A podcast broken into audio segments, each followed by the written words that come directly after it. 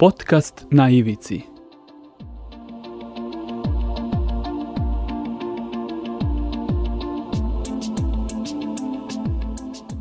Na ivici. Pozdrav ljudi, evo nas na početku još jedne epizode podcasta na ivici. Zaista sam srećan što u današnjoj epizodi mogu da ugostim uh, Miju Knežević, uh, pozorišnu rediteljku iz Novog Sada. Mogu i da proširim, ali možda bi bilo najbolje Mija da ti samo ovaj, kažeš, dakle, ko je još Mija Knežević? Ovaj, hvala ti puno na pozivu, baš si me obradovao. Uh, ovo mi je zapravo prvi put da za, u, učestvujem u snimanju podcasta uh, i generalno jako se radujem da to postoji i da ti ovako lepo ide zato što mislim da je to neki format koji stvarno nekako odgovara dobro uh, realnosti trenutnoj, društvenoj, tako da svaka čast i samo napred. Uh, ja sam inače, da, diplomirala sam multimedijalnu režiju na Akademiji uh, umetnosti u Novom Sadu. Uh, snimila sam nekoliko kratkometražnih filmova u toku studija na Akademiji i snimila sam svoj master film koji je srednjemetražni, Dan za vanju. Uh, međutim, nakon Akademije sam se m, ipak više usmerila na rad uh, u pozorišnu mediju, e, tako da, eto, mislim da sam sad već od 2014. aktivno e, radim, tako da to je sad koliko već jedno 8 godina. Za to vreme sam izrežirala e, desetak predstava i e, u principu nekako pronalazim sebe u tom o, načinu izražavanja i za mene je pozorište jedan sistem komunikacije takođe o, sa, na, na neke o, bitne po meni društvene teme i ja nekako e, koristim taj prostor da komuniciram sa svojim sugrađanima na te teme. Dakle, ne posmatram sebe kao nekog ko je autor, a publika to je neko drugi, nego nekako obraćam se svima nama zajedno, ajde da tako kažem. E, to je za mene generalno umetnost, e, ali i, drugi, i druge forme dramskog medija koje ne moraju nužno da budu e, i da odgovaraju na neka jako kompleksna umetnička pitanja, već mogu da imaju svoju svrhu i u nekoj zabavi, a koja je promišljena i, ne znam, izazovna za publiku. E, dakle, to je što se tiče angažmana i rada u pozorištu, a e, između ostalog, da, sam studentkinja doktorskih studija na e, oceku za scensku arhitekturu, tehnologiju i dizajn pri e, odnosno na oceku za arhitekturu i urbanizam na Fakultetu tehničkih nauka ovde u Novom Sadu i e, trenutno sam angažovana, odnosno e, birana sam u zvanje e, istraživača, saradnika i e, angažovana sam u nastavi i na jednom tehnološkom projektu koji se tiče rada na scenama generalno u Srbiji i na nekom tehničko-tehnološkom razvoju sektora tehničkih u Srbiji. To je jedan projekat koji je pokrenut, faktički to je na nivou platforme trenutno, a e, rade se neka istraživanja i prosto postavljaju koordinate tog projekta koji bi trebalo u narednih 10 godina, na primer, da se realizuje i da pomogne zapravo e, razvoju scena u Srbiji. Mm -hmm. Bez obzira na to da li si imala priliku da poslušaš neku od prethodnih epizoda podcasta na Ivici, sam naziv nešto sugeriše, pa želim i to da te pitam, ovaj, da li je, odnosno da li je po tvom mišljenju e, oblast kojom se baviš samo pozorište i režija i umetnost, da li se uklapaju u priču, da li su na Ivici? Uh, pa mislim da e, se puno stvari u aktuelnom društvenom kontekstu e, uklapa u naziv tvog podcasta i da, apsolutno e, pozorište u to ubrajam iz mnogih razloga i, i, i na mnogim nivoima, a sad možemo pričati dalje o tome šta po tim podrazumevam.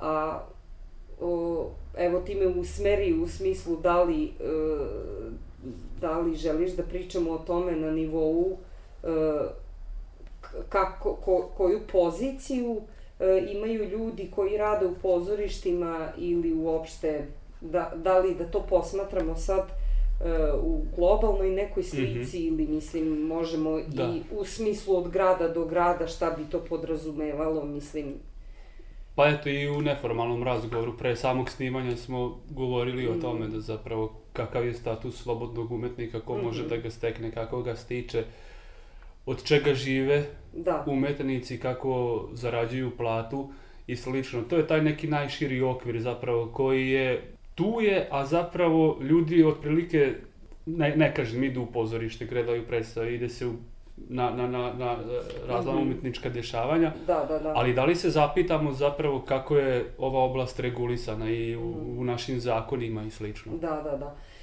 Pa, znaš kako, mi u suštini i dalje funkcionišemo po nekim modelima koji su uspostavljeni pre 30-40 godina. Na, u, u nekim slučajevima, na primjer u slučajevima tih nacionalnih teatara, mm -hmm. kojih ima dosta znači dosta, dosta institucije pozorišnih u Srbiji e, nosi taj naziv i ima na neki način tu sistematizaciju radnih mesta. E, neka pozorišta koja su e, koja, koje se finansiraju od strane grada, odnosno opštine ili u, u smislu Vojvodine pokrajna finansira i uopšte E, drži, da tako kažem, e, ta radna mesta. Jel?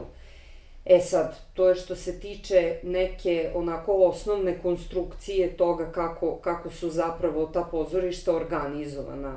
E, međutim, što se slobodnih umetnika tiče, to je sasvim neka druga priča, a slobodni umetnici su naravno često angažovani u kontekstu rada u institucionalnom mhm. pozorištu, mm -hmm. znači oni nisu vezani nužno za neke off projekte, za neke alternativne e, produkcijske modele, već učestvuju e, aktivno i ravnopravno u radu u institucijama, dakle u nacionalnim pozorištima ili u gradskim pozorištima, tako. Tako da su oni, ja sad više se ne izražavam u smislu mi, zato što ja više nisam u statusu slobodnog umetnika, jer sam zaposlena, ali e, u suštini delim to iskustvo da. i nekako u, uvek bi se i u buduće zauzimala um, ovaj, na, na način na koji mogu i uh, prosto generalno želim da, da se ta tema pro, problematizuje i mm -hmm. da mhm. nekako s, uh, se to u nekom pravcu pomera dalje. Sad sticam okolnosti, to to nisam rekla, ali o, ja sam od pre, pa sad već je ovo peta godina, čini mi se, član predsedništva Saveza dramskih umetnika Vojvo, Vojvodine i tu smo zapravo u, u nekom, nekoj proceduri izmenili to da i sam Savez dramskih umetnika Vojvodine postane reprezentativno udruženje, tako da umetnici u Vojvodini koji su koji nose status nezaposlenih, oni takođe od nedavno mogu da konkurišu i da dobiju status slobodnog umetnika. Mm -hmm.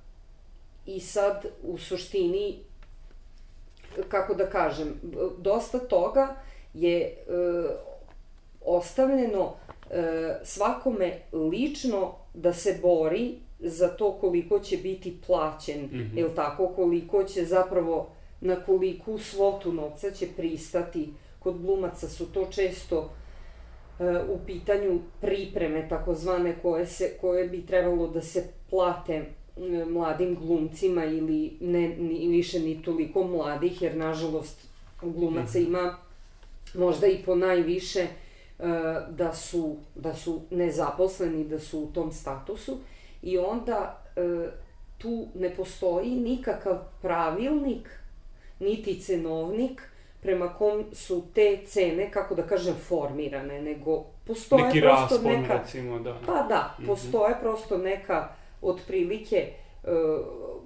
onako utvrđene neke svote, međutim to dosta, koliko sam shvatila iz priča kolega i čemu sam i sama nekako svedočila, dosta ovo se daca oglašava, ovaj, tu dosta zapravo ume da varira ta svota. I da. to je generalno, mislim, um, ja sam sigurna da to nije samo pitanje u ovoj profesiji, to se takođe odnosi i na rad dramaturga, i na rad kostimografa, scenografa, reditelja, je tako? Znači, da. svih ljudi u različitim sektorima unutar filmske i pozorišne produkcije, prosto mada mislim da je to na filmu nekako sistematičnije rešeno i postoje, u pozorištu su i dalje nekako to na lične pregovore oslonjeno i na neka nepisana pravila i na neke to što si rekao raspone, a u filmu mislim da ipak postoji uh, neki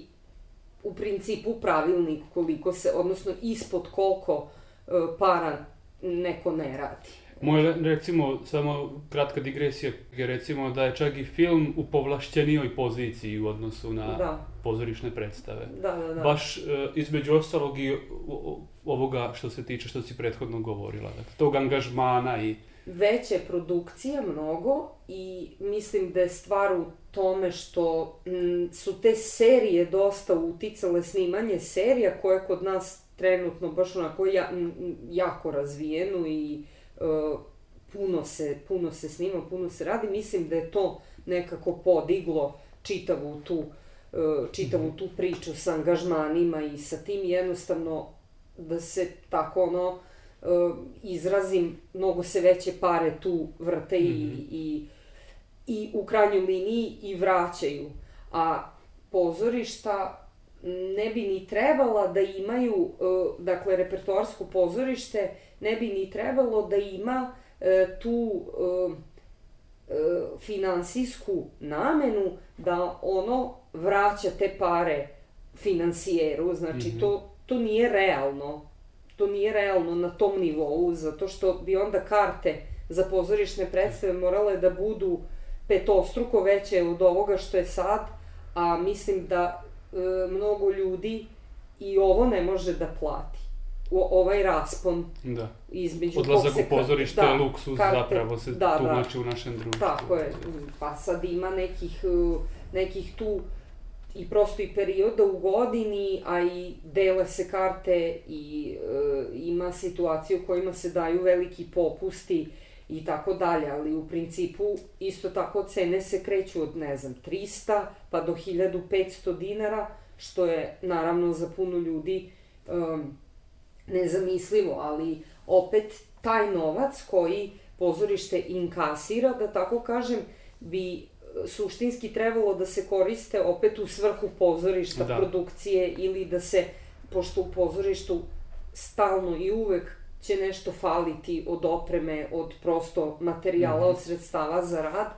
E, tako da, eto, na primjer, to je jedan od aktuelnih pro problema koji bih, eto, napomenula prosto u, u ovom kontekstu. Dakle, neka od pozorišta u Vojvodini su prinuđena da e, taj budžet koji, e, koji prosto zarade da pokrajni odnosno, pardon, osnivaču, a to je u najčešćem slučaju grad, da dakle vrate vrate e, taj novac, mislim vrate uslovno rečeno, ali da ga prosto prebace da. u grad. E sad, to je nešto što po meni mora da postoji neka politika koja bi potekla i koja, evo, nastojimo, je tako, da potiče i od saveza, ali i od samih direktora e, koji imaju te inicijative i bore se na tom planu, ali prosto to je neka vrsta ono prosto profesionalne argumentacije koja treba da ide ka gradskim vlastima mm. ili pokrajinskim da se to pitanje reši, zato što nije realistično e, i, ne, i nema smisla nikakvog da. finansijskog prosto da. to. Ovaj, kratko bih se još zadržao na tome, bila si e, pomenula da se dosta snima i to. Da li možda smatraš da imamo i hiperprodukciju? Ja lično mislim da imamo. Mhm. Mm -hmm. Tu mislim ono na serije koje se emituju da. u večernjim terminima, da, da, da. na kablovskim televizijama, ali i na javnim, javnom servisu. I... Da, da, da. Pa imam, imam naravno taj utisak, ali mi živimo u vremenu hiperprodukcije svega pa je onda nekako to, mislim, pitanje, e, odlične pitanje, ali mislim da je ono pitanje zaista ideologije vremena čitavog u, ko, u kojem živimo. I nekako, kao da imamo m, sad e, u, u nekom smislu gabarita i kapaciteta, bukvalno kao da imamo tri planete mm. i ne znam kog prostora, a suštinski imam utisak da smo zgužvani, stešnjeni, prenatrpani, I samo scrollujemo kao otprilike da. na... da, da, da. Preizloženi sadržajima, e, nadraženi, kako da kažem, mislim, stalno je, stalno smo to u vrtlogu ne, neke produkovanja, neke stvarnosti i onda mislim da je to prosto slučaj, naravno, i ovo što ti kažeš sa, sa serijama i onim što se radi, da. Pa, da, da. da. Ovaj, hteo bih još da se vratimo na sam početak, ovaj, naš, naše dogovaranje ovog snimanja razgovora je trajalo izvesno vreme, pošto si bila u, u, u Leskovcu, pa zašto ne bismo ovu priliku iskoristili i za to da ispričaš zapravo šta si radila u Leskovcu i kakvu ste zapravo predstavu radili i kako je da. protekla i premijera i...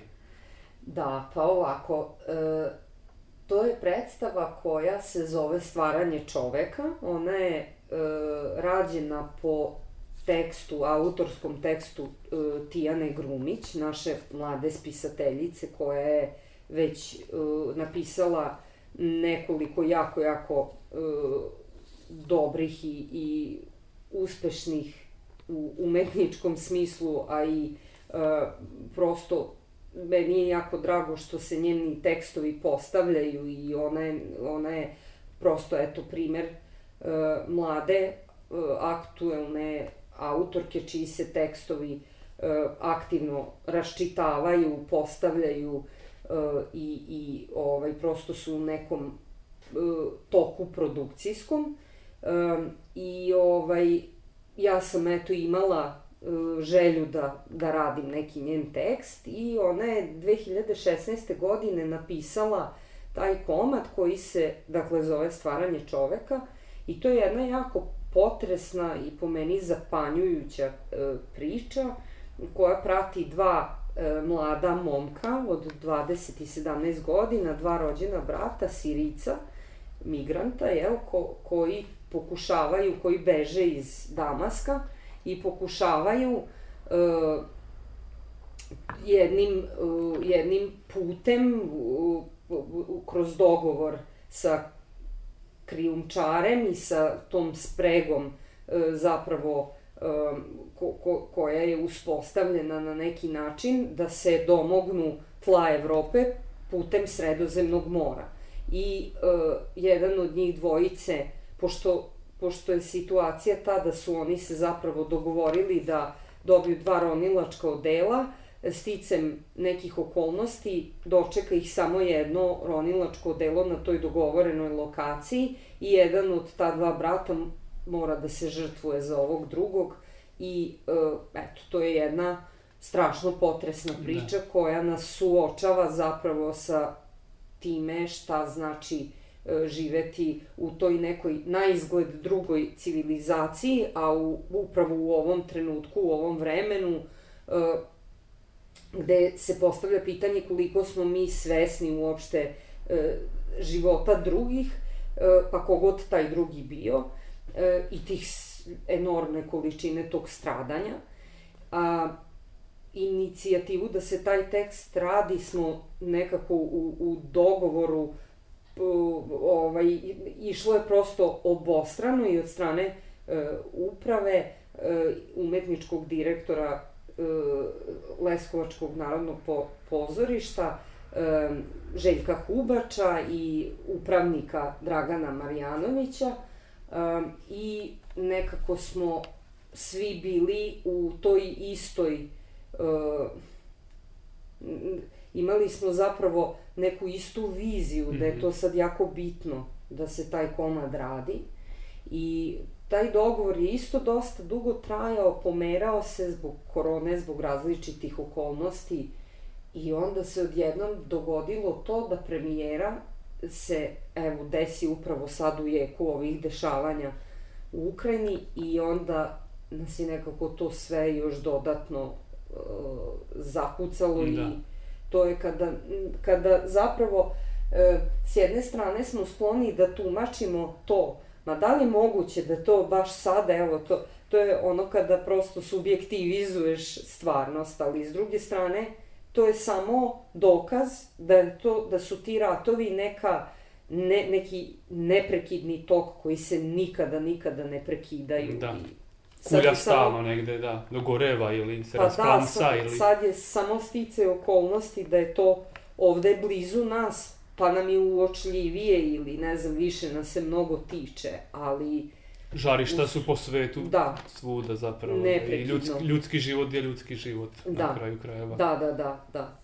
Tako da, eto, to je ukratko o tom projektu. Mhm. Mm ovaj, e, Da li si e, zadovoljna na način e, na koji si uspela da tu emociju onda preneseš i, i na glumce i da li si za, zadovoljna sa time kako si sama doživela e, tekst taj, mm -hmm. i, i postavku? I... Da, pa e, e, znaš kako, ne znam, uvek mi je nezahvalno da odgovaram na takvo pitanje zato što e, onda ako sam zadovoljna onda samoj sebi zvučim nešto tako neskromno ili kao s nekim kriterijumima koji su onda mhm. možda za neku buduću publiku upitni. Ali opet, s druge strane, ne mogu sad da se pravim da nisam zadovoljna kad jesam, a ovaj, mislim da je to posledica toga što je taj proces bio zapravo dug. Mislim, mi samu postavku nismo uradili E, zapravo na sceni smo bili možda par nedelja, tako, tako nešto, ali smo imali dug proces pripreme ja sa autorskim timom i dugo smo sedeli za stolom sa glumcima i ta, jel, takozvane čitaće probe, ovaj, tokom koji smo zapravo jako dobro, čini mi se, otvarali te teme. Oni su se, e, naravno, kako da kažem, senzibilisali za tu temu, za tu priču, što i nije bilo teško, jer su prosto to neki empatični ljudi, glumci ko, sa kojima sam ja i inače e, baš, baš nekako oduševljena kako, s kojom su posvećenošću i prosto to je jako dobra podela, to su sve strašno talentovani ljudi i to mi je predivan osjećaj tako kada odem negde, to nije grad koji je meni blizak, koji je da. tu nekako, nego Na drugom prosto kraju, druga je sredina, da, da. da, drugi je kraj zemlje i onda otkriš neke fenomenalne ljude koji ono isto nekako ili slično razmišljaju uh, ko ti ili ne moraju da razmišljaju slično, ali i to je nekako ispalo uh, produktivno, zanimljivo da o istoj temi otvaramo neke različite uglove i da. tako. Da.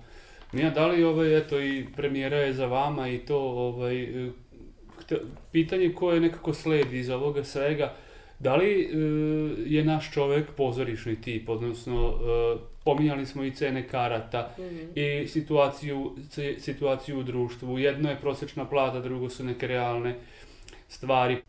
U kom pravcu se razvija naša da. publika i uopšte ovaj... Da, da.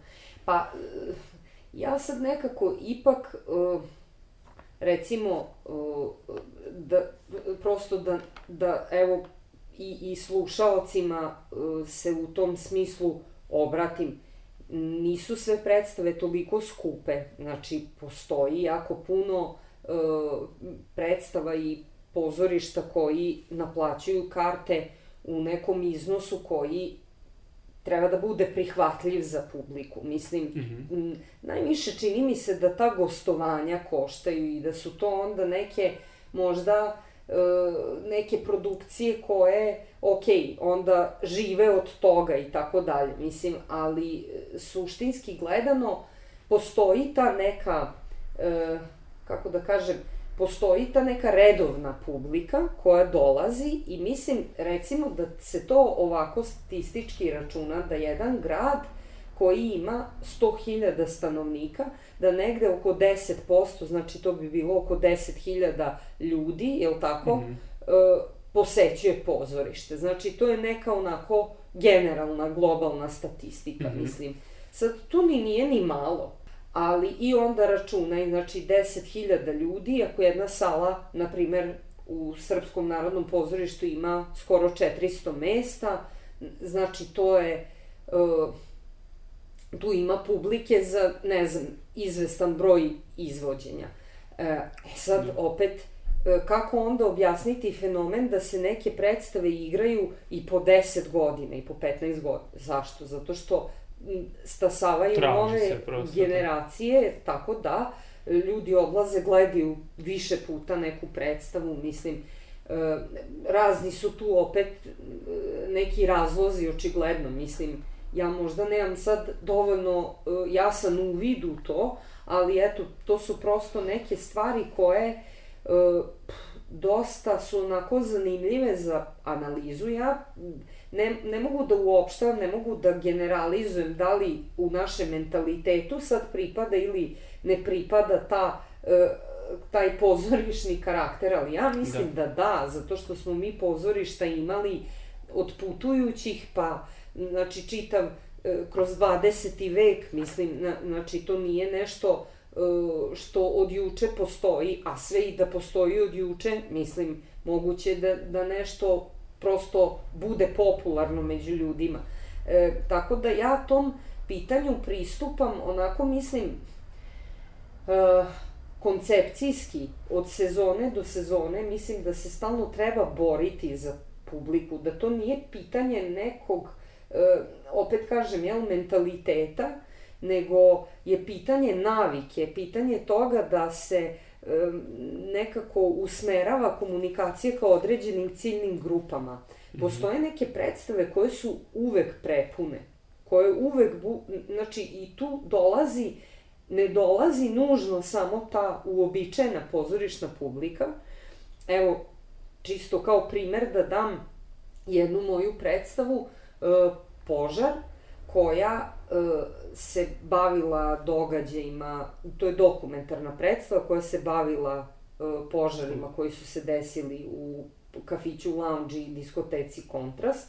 I sad, to je u tom trenutku, jel, bila, ja mislim, možda jedina e, predstava dokumentarnog tipa da je rađena u Novom Sadu.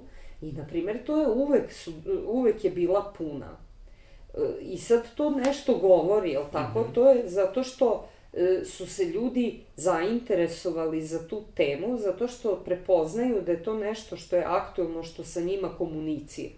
Mislim, i onda je meni uvek naravno bilo puno srce kad e, vidim ili čujem da je puna sala, da su ljudi došli to da gledaju i tako dalje. Znači, to je ono smisao. Mi se u krajnjoj liniji uvek obraćamo nekom e, širem široj javnosti. Mm -hmm. e, sad, neke predstave su manje posvećene, posvećene, to opet ne mora nužno da govori o kvalitetu, e, isto ko što i prepuna sala ne mora nužno da govori o kvalitetu, da. ali, ali to je onako jedan zdrav pozorišni puls koji kad se vidi, onda nekako mislim da to e, utiče prosto na čitav javni život grada, zato što pozorište, evo ako pogledaš i kao, e, kao arhitektonski potez, urbanistički, ajde da tako kažem, ono se uvek nalazi u centru grada. Evo, Srpsko narodno pozorište imamo, pa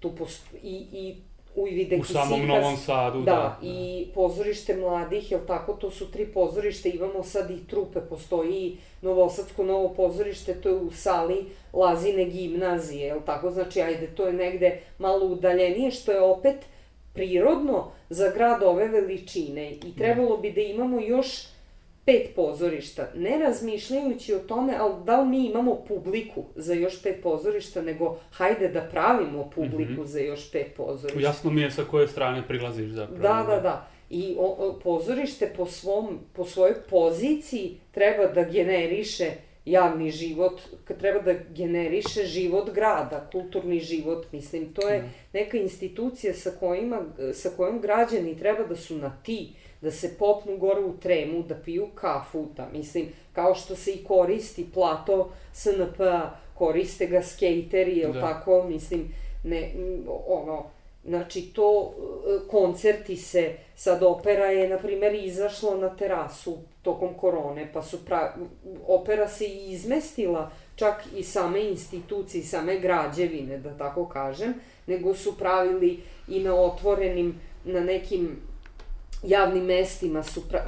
Znači, to je, mislim, poruka ljudima, hajde da se nekako izmešamo, da ne postoji čak ni, ovo mi sad pričamo sve, ja dolazim iz dramskog medija pa pričam u kontekstu e, toga, ali suštinski opera isto šalje po meni važnu poruku, a to je e, nekako, hajde da e, priđemo ljudima, da, da se ne, ne doživljava da je opera nešto, da je to sad neki tako uzvišeni oblik ne, za, ne za da. neku publiku koja je koju ti ne srećeš ovako u životu, nego bi trebalo da ti i ja ovako u farmericama uđemo tamo i da pogledamo i poslušamo nešto, da. mislim...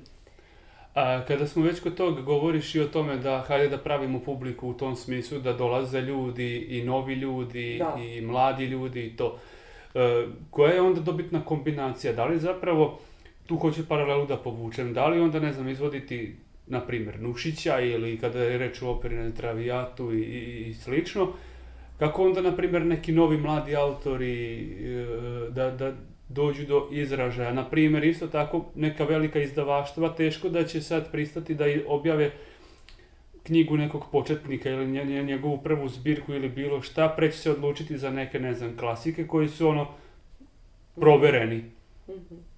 Pa evo, sad pomenula sam e, taj primer sa Tijanom Grumić. E, postoji još nekoliko mladih autora čiji se komadi trenutno e, igraju i izvode. To je Dimitrije Kokanov, Filip Grujić i tako dalje. Ima nekoliko e, onako jakih mladih dramskih pisaca. E, I mislim da, e, pa evo ovako sad kad, znaš, uh, razmišljam, prosto ne mogu da kažem da postoji neki ravnopravni prostor, niti aršini po kojima se to meri, ali to je, znaš, i sam to je uvek tako u odnosu ka mladima, mislim, možda je to jednako kao što i mi e, imamo odnos ka nečemu e, što je, e, ka, ne znam, ka starijim generacijama, ali to je možda problem kako da kažem opet, i, i dru, društveni i uopšte u prirodi nekako da se jako generacijski posmatraju stvari i vlada taj neki, kako to nazivaju sad, ageizam, ne znam koja bi naša reč bila za to, ali to, to strašno posmatranje kroz godine i onda je naravno uvek taj stav ka mladima da je potrebno da se dokazuju i dokazuju i tako dalje, a onda kada se prosto prevali taj neki prag godina, onda možda čak i kriterijumi opadaju, pa se nekako i podrazumevaju stvari mm -hmm. i mhm. tako dalje. To je, to je po meni problem. Nije problem, dobijaju ljudi šansu, i, mislim, dobijaju ako nađu put, to jeste isto činjenica, mislim, e, jer potrebno je i da se steknu neke okolnosti, ali i da sam uh, uvidiš kako, kako recimo da se boriš, da na, ne znam, na primjer što se pisaca tiče, da na dobre, tačne adrese šalješ tekstove, da mm -hmm. pratiš te konkurse, da učestvuješ u tome.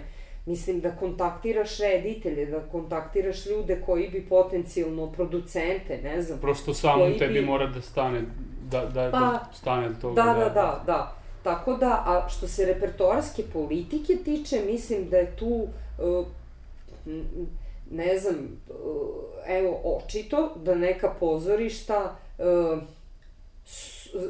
će zastupati jednako i aktuelne pisce, a kako da kažemo, oslanjaće se i na klasične komade, jer prosto moraju da, postoji, da postoje predstave koje će održavati i jednu vrstu publike, ali koje će da neguju, obrazuju, kako da kažem, razvijaju novu, mm -hmm. neku novu publiku koju će, koja će na kraju krajeva predstave koje će i tekstovi senzibilisati ljude da aha i to je pozorište, ok, znači ono može da bude i komično, ali može da bude, možda je to, mislim, neki problem uh, sa publikom, ta očekivanja.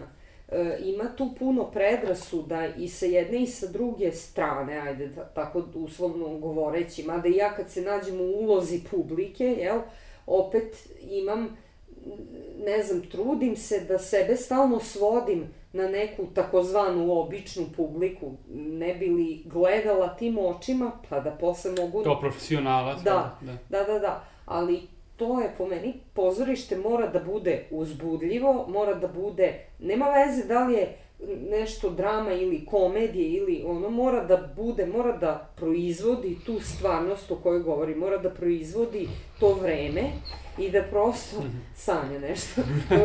mora da prosto ovaj u, za slušalce ove moje kuca koja trenutno nešto Ubacuje se, da. Da.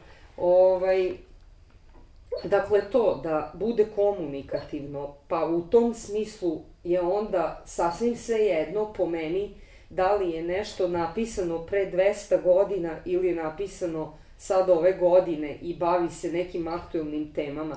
Da. Znači, e, i jedno i drugo je važno, i jedno i drugo treba da ima svoj prostor, jer je pozorište e, mediji koji omogućava da u ovom vremenu te masovne produkcije, masovne publike, je tako, mislim, globalne neke publike, to je prostor koji omogućava da ljudi nešto u tom trenutku dožive nešto, da tako mm. kažem, u digitalnom svetu, da dožive nešto analogno, da se stvori taj trenutak koji se dešava sad, ono najopštije mesto, ali, ali ono I dešava se sad samo ovde. tada i samo tako, da. već naredno izvođenje će biti drugačije. Tako je, tako je. I to je ono što je neki, e, to treba da je, kako da kažem, jedna uh, komunikacija prijateljska između publike i izvođača i autora koja će zapravo, to, to treba da bude kao neko došaptavanje, neko međusobno -hmm. razumevanje, jer smo mi svi pristali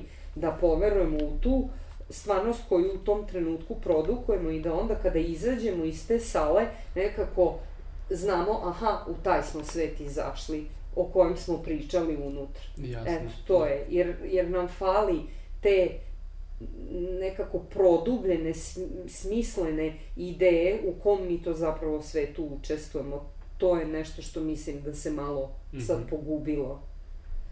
Koliko nam sad znači to što je to ova godina, godina lijepa jedna godina, mm -hmm. godina kada je Novi Sad evropska predstavnica kulture. Da li Novi Sad zaslužuje ovu mm -hmm. titulu i šta mu zapravo, da. koje se mogućnosti da, pruža? To, to je jedno vrlo složeno pitanje, mislim, e, nekako isto tu se trudim da budem objektivna, iako možda kao e, neko ko se bavi ono ja, ja radim u kulturi, jel tako, na, na nekoliko načina učestvujem u tome, pa e, onda mislim to je neka tema mučiteljka jel koja nas sve negde ovaj opseda pa onda imaš u stvari neke razne faze i stavove u odnosu na to ali evo i, i ne znam jedno osjećanje imam kada gledam otvaranje evropske predstavnice kulture a onda drugo osjećanje imam kada vidim neke konkretne posledice, neke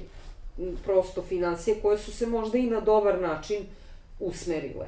E, veliko pitanje e, po meni koje se tu postavlja jeste šta je budućnost, šta je to što će biti nakon ove godine. E, ova godina, mislim, ja lično takvu kulturnu politiku ne volim. Znači, i mislim da se tu dosta e, predodređuju stvari po nekim osnovama koje su po najmanje na kraju bitne u smislu samih autora i tako dalje, nego mislim da to sve opet ima jednu sasvim drugu ideju i konotaciju. E, s druge strane, mislim, bit će tu sigurna sam dobrih radova i bilo ih je već i tako dalje i mislim, e, ljudi ulažu neki umetnici koji su se pronašli u toj priči ulažu neke napore i tako dalje. Ovaj, ali je to pitanje šta ostaje iza. Mm -hmm. Shvataš? Šta ostaje posle Titula je tim, tu, godina da, će proći, da, šta? Ostaće neki prostori za mm. koje se bojim, te kulturne stanice koji će biti izgrađeni, za koje se bojim da ne postoje trenutno ideje šta će sa tim prostorima da se desi. Razumeš? Mm -hmm. A mislim da i tekako ima potencijala koji ne leži u trenutnom, uh, u trenutnim tim realizacijama. E sad, to je pitanje po meni što bi onda tu trebalo da se nađe da se nađu neki ljudi koji će zapravo sad od toga da prave neku dalju uh, kulturnu politiku. Znači, bukvalno ne Novi Sad prestonica kulture ove godine, nego kako da bude zaista neka prestonica kulture, mislim, ne može to da traje godinu dana. Da. Mislim, to je onda neka... Imaš infrastrukturu, imaš tu ljude koji da. su angažovani i prođe godina i šta da. onda sa, da, da, da. sa svime time. Mislim, kako da kažem, svaki period postoji, uvek je postojala vlast koja nešto propagira, da, da li postoji pokret ili reakcija da to, to je veliko pitanje. To ja trenutno ni ne prepoznajem, nije ni bitno, ali e, sad da, da se nešto E, mnogo na tu temu osvrćemo, to zapravo to mislim da je svima očigledno, ali ovo je grad koji ima jako dugu istoriju umetničku i na likovnoj sceni i na muzičkoj sceni, pa ako hoćeš i na pozorišnoj i filmsku produkciju je uvek imao dobru i tako dalje. Znači, nekako u, mislim, ta Kultura prestonica već da, postoji, da, da. ali kako da ona nekako, ne znam, da bude osmišljena iznova, da bude redizajnirana, da bude nekako okrenuta sad više ka toj budućnosti, a na tim dobrim nekim temeljima koje imamo uspostavljene u, u prošlosti. Mm -hmm. Koliko imamo danas još prostora i za kreativnost i za originalnost ili je stvarno taj original neotkrivena kopija?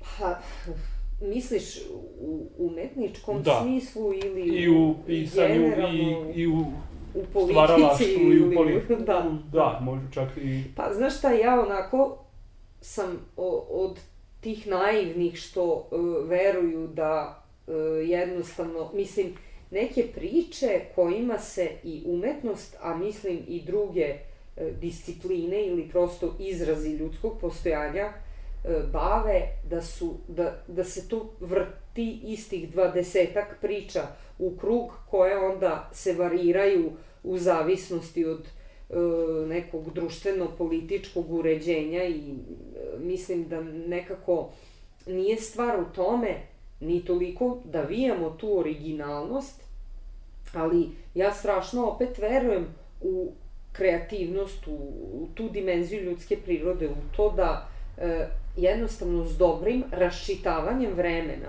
i sa nekim pokušajem i e, anticipacije mm -hmm. I toga u kom pravcu idemo, naravno, jel, e, da mi te kako imamo šta da kažemo i te kako imamo za šta da se borimo u svim tim poljima, jel tako? Jer kad bi verovali da je svet već u, eto uspostavljen, da smo sve rekli, o sebi, o tom odnosu ljudske prirode, a sad sve više i tehnologije, je tako? Ovaj, pa onda bi to bilo suviše nekako i prejednostavno, pre, pre lako. Možda je u tome čak i problem, zar ne? Da, da ljudi ne veruju dovoljno u sopstvenu kreativnost i u tome da su oni učesnici u svetu, nego kao živiš po nekom već ustanovljenom scenariju. Baš to, da li mi imamo dovoljno mašte zapravo u sebi, da, da maštamo o tome zapravo šta je svet, kako mi njega doživljavamo, Da. kako reagujemo na te... Upravo dolazim sa e, časa sa studentima druge godine scenskog dizajna, ovaj, koji su e, u okviru predmeta dizajn scene dobili zadatak da osmisle koncepcijski e, komad Šekspirov san letnje noći i da nekako predstave svoju ideju i to čime će se baviti i da taj kontekst u kojem je Šekspir pisao taj komad smeste u bilo koji period koji oni u kojem oni nalaze utemeljenje da se ta tema, ideja iz komada može da se očitava u tom vremenu. I evo, ja sam zaista onako baš oduševljena bila, sad naravno tu predstoji jako velik rad do kraja semestra, ali nekako baš sam bila e, o- oplemenjena tom njihovom maštom. Idejama. I tim idejama, i to, a i nekako ne želim da ponavljam opet tu istu grešku da ja mlađe generacije od sebe sad kao ja, oni ništa ne znaju, oni su, to je sve otuđeno, oni nemaju pojma i tako dalje. Ne, to su ljudi koji tekako imaju pojma, koje je isto tako koštalo te dve godine online studiranja, ali koji su dali sve od sebe i imaju neki fokus i žele da se kreativno izražavaju. Eto, od takvih primera, preko toga da, ne znam, pročitamo, mene fas, je fasciniralo, na primer, to te dve e, žene, naučnice, što su dobile Nobelovu nagradu za što su izmislile te DNK makaze, razumeš? Znači, to je oblast nauke, ali Mhm. to je kreativnost. To je domen ljudske kreativnosti, jer kako ti da dođeš do te ideje, mislim, moraš imati maštu neku, moraš razmišljati Upravo dalje, to, tako, da. moraš ići korak ispred. Eto, to je, takvih stvari ima, nažalost, mi smo uglavnom zasuti nekim Iz negativnim... ideja proizilazi proizvod zapravo, neki Da. nemaš ti prvo proizvod pa onda dođeš na Da. neku ideju. Da, da, da, da, pa tako se dešavaju pomaci i meni se čini da je to ono što i neke savremene naučnike, e, mislim, prosto čini ono istinitim, uspešnim, kako da kažem, oni e, dolaze do nekih stvari koje su korisne, revolucionarne, bitne za današnji svet. I e, e, strašno je kada gledamo koliko nauka nema kredibilitet, kao da je izgubila kredibilitet među ljudima, a onda u stvari mislim da je to samo opet jedno pogrešno usmeravanje usmeravanje pažnje. Mhm. Već si bila i pomenula taj zapravo i, i tehnološki razvoj i svet u kojem živimo. Da li se plašiš tog nekog ubrzanog e, e, tehnološkog razvoja i veštačke inteligencije koja je to već Da. uveliko među nama Mhm. i snimani su o tome i o tome razni filmovi počeši ne znam od Terminatora pa preko Da. nekih drugih Mhm. ovaj da li čovjek može da se nadogradi ili ku- kuda stremimo Pa eto, meni je to strašno interesantno što si ti rekao da zapravo čovek svodi sebe napretkom. Ajde u stvari da te sad ja ne parafraziram, nego ajde molim ja te sam- reci kako si to rekao, baš je to dobra formulacija. Ja sam bio kazao da zapravo uh, tim nekim uh, usavršavanjem čoveka, ali u tehnološkom tom Da, smislu, da, da, da, da. tehnološki taj transhumanizam, da, Da, zapravo time se uh, uh, čovek ne postaje više čovek, nego zapravo je manje čovek. Mhm, mhm, Da, da, da, da. Tu bih, ja bih tu parafrazirao, parafrazirao autora Mhm, koji kaže, deli ovaj, taj transhumanizam na organski i tehnološki. mhm, mhm. Znači ti ako nešto, čovek od, od uvek prosto želi da prevaziđe svoje mogućnosti, ili Da, tako? da, da. I da. onda nešto treniraš ili nešto učiš, strani jezik, pa naučiš engleski, pa naučiš nemački, pa naučiš Da. ovaj, onaj, usavršavaš se.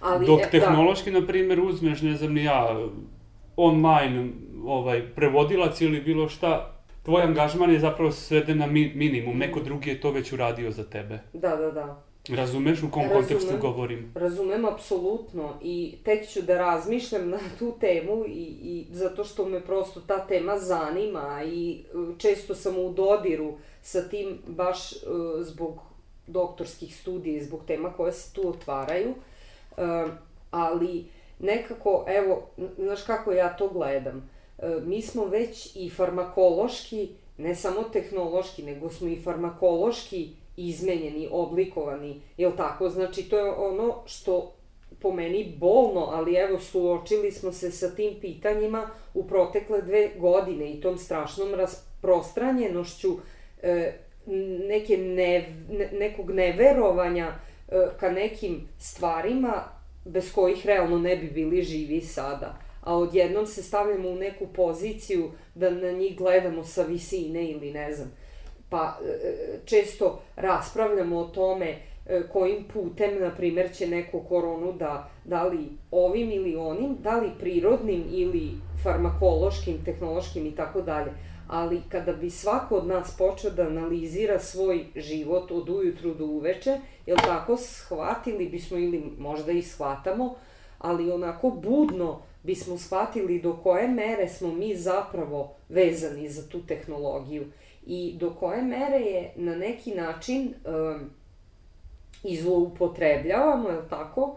A sad da se nekako vratim i na to tvoje pitanje koliko se ja toga plašim. Ja mislim, recimo, da se ja ne plašim previše toga. Ja se, ako se neče plašim, plašim se svoje fobije.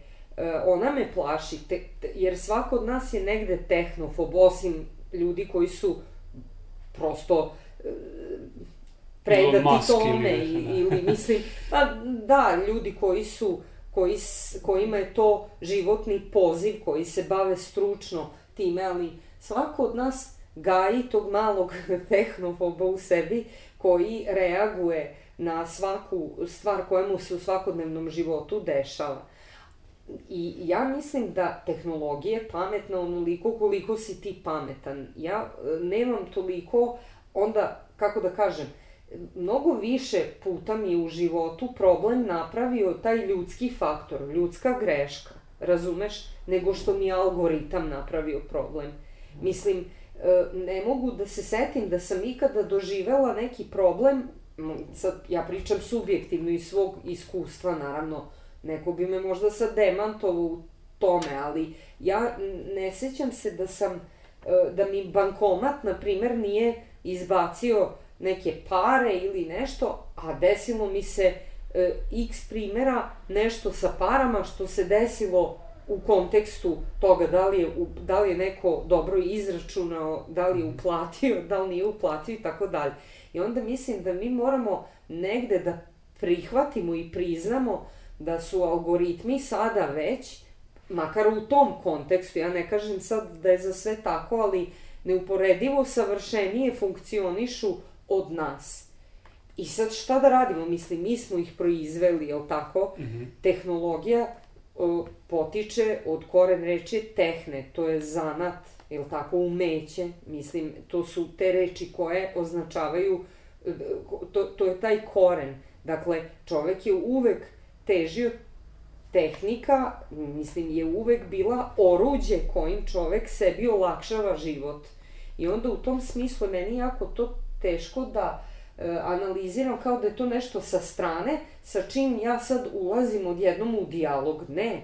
I ja treba da radim na tome da prihvatam da se ona menja i da će tek da se menja i da nekako, e, a do mene je da ja budem vredna i radna i da ne dozvoljavam sebi tu vrstu prečice, je tako? Da kao, mm -hmm. ok, ovo će mi obaviti, ovo će mi...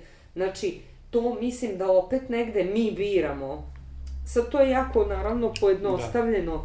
Ovaj, ta tema je, složili smo se oboje, mnogo, mnogo kompleksnija, ali neke onako malo čak i radikalnija mišljenja na tu temu, neke ljude koji jesu na neki način kiborzi ili da onda ti u stvari osvestiš, pa da, mislim, mi svi već na neki način imamo, svako od nas ima neki, bar toga da imaš i implante u svom telu, mislim, koje ni ne računaš da su to, ali postoje, mislim, ne znam, neko ti je neku kost zahvaljujući tehnologiji povezao neke ligamente ili ne znam, ono, zub, zube ili ne znam, mislim. Jasno. Da, da. Da.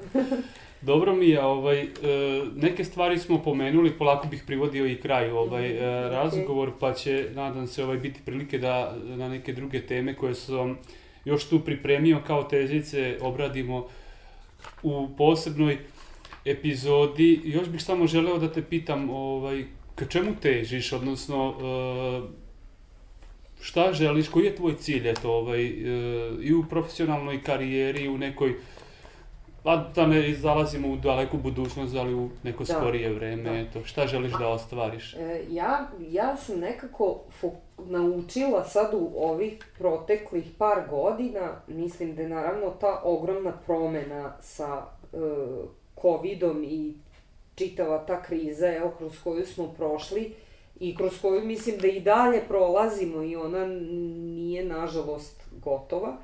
E, mislim da me to nekako okrenulo ka tome da razmišljam kratkoročnije, ajde da tako kažem, da posmatram više e, život tako na planu e, nekih kraćih rokova, zato što nažalost mnoge stvari ne mogu više ni da se planiraju na isti način ko što su, ko što su se planirale pre. I možda je to i malo i nerealno očekivati u ovakvom svetu. Uh, mislim da nas to možda čak i košta nekih frustracija. Možda su zato ljudi uh, se žale na tu neku anksioznost ili ne znam, demotivisanost, zato što možda previše se krupno gleda na stvari ili ne znam kako bih to formulisala, ali hm, da, sad si me zatekao s tim pitanjem zato što ono mogu da kažem ideološki i filozofski da težim ka nekom boljem društvu i verujem u to Mhm. i trudim se da kroz svoje delovanje, mislim, to, to nekako i uspostavljam, jer verujem da društvo nije nikakva gotova, gotov proizvod koji mi sad treba da e, rođenjem nasleđujemo i živimo tu stvarnost koju je neko drugi za nas formirao, nego mislim da treba za nju svakodnevno da se borimo i da, da je potvrđujemo ili da je, jer je društvo e, svakako i ovako i onako i ima i ovih vrednosti i onih vre, vrednosti i ne, ne znam. A kon, kontradiktorno je i složeno je i onda mislim da je najlakše nekako e, reći sebi pa okej, mene to ne zanima, ja živim neki svoj, neko svoje ostrvo unutrašnje i tako dalje. Razumem, mi smo svi skloni ka tome jer je prosto to, tako je nekako lakše, Mhm. jel, ali opet mislim da treba biti budan i u tom svom nekom malom životu i krugu, a samim tim si nekako aktivniji za tu, za tu zajednicu. Tako da to je ono nešto čemu ja težim, mislim, tako sam nekako uh, usmerena sam ka tome, a to što se tiče nekih konkretnih ciljeva i planova, to je sve ovo o čemu smo pričali, mislim, Sažeto u ovih sat vremena, eto. da. Sjajno. Ovaj, Mija, hvala ti što si odvojila vreme za gostovanje u podcastu na Ivici. Zaista mi je bilo zadovoljstvo slušati na te i ovaj, tvoja razmišljanja i stavove. Kažem, za ovaj put to bi bilo otprilike to. Nadam Hvala se... tebi puno, pa da, ja sam se sad raspričala kao... Sjajno, ovaj, a ono- nadam se da će biti još mogućnosti pa da ovaj, popričamo još Da. nekim drugim oblastima koje se tiču tvog profesionalnog rada, ali tvoje filozofije, razmišljanja i slično. Hvala ti puno i radujem se tome, tako da... Eto ljudi, to bi bilo za ovaj put e, sve. Nadam se da ste i vi uživali u e, našem razgovoru. Za sada toliko, a slušamo se u narednoj epizodi.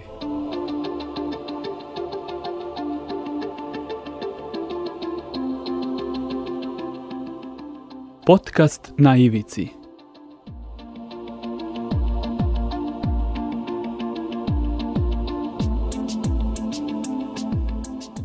Na ivici.